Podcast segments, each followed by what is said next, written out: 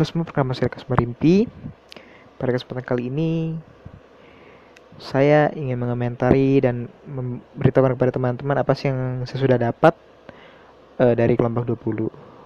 Materi kelompok 20 ini dijelaskan oleh Debi dan juga Tubagus. Atau biasa yang kita sebut itu TB ya. Nah, sebelum itu saya harap teman-teman sekalian yang mendengarkan podcast ini masih dalam keadaan sehat selalu serta yang menjalankan ibadah puasanya uh, semangat untuk menjalankan ibadah puasanya sampai akhir. Nah, mungkin ada beberapa hal yang saya tangkap dari materi kelompok 20. Yang pertama adalah profesionalisme guru. Kita sepakat teman-teman bahwa menjadi pengajar atau guru merupakan salah satu profesi yang tidak mudah. Banyak hal-hal yang harus kita pelajari untuk menjadi seorang guru. Dikarenakan sebelum kita mengajar dan membimbing para murid kita nanti, kita harus bisa membimbing dan belajar diri kita sendiri.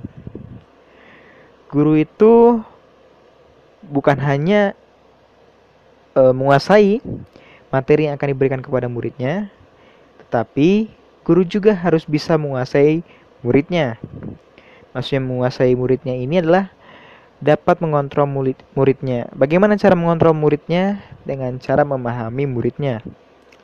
Memahaminya itu seperti apa?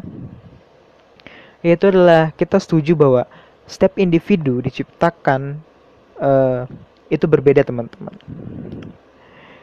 Mungkin A jago di per, di bidang ini, tapi B mungkin tidak jago. Seperti itu teman-teman. Guru harus melihat murid itu sebagai individu yang berbeda. Tapi satu sisi juga tidak boleh membeda-bedakan murid itu sendiri sehingga tidak ada timbul uh, kecemburuan dalam kelas atau kayak kita bilang tuh pilih kasih teman-teman. Banyak aspek yang harus diperhatikan teman-teman. Mulai dari aspek psikologi. Sebagai seorang guru kita belajar bagaimana psikologi pendidikan teman-teman.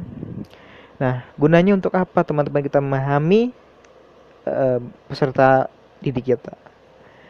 Tentu saja kita memahami peserta didik itu adalah agar kita tahu nih bagaimana treatment atau bagaimana caranya kita menyampaikan suatu materi agar pembelajaran yang ada itu efektif serta dapat e, mencapai tujuan yang diharapkan teman-teman.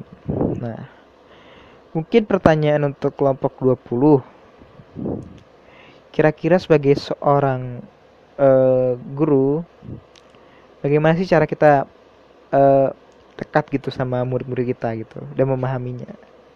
Mungkin itu saja. Mohon maaf jika ada kata-kata yang kurang berkenan ataupun kurang jelas. Dan sampai jumpa lagi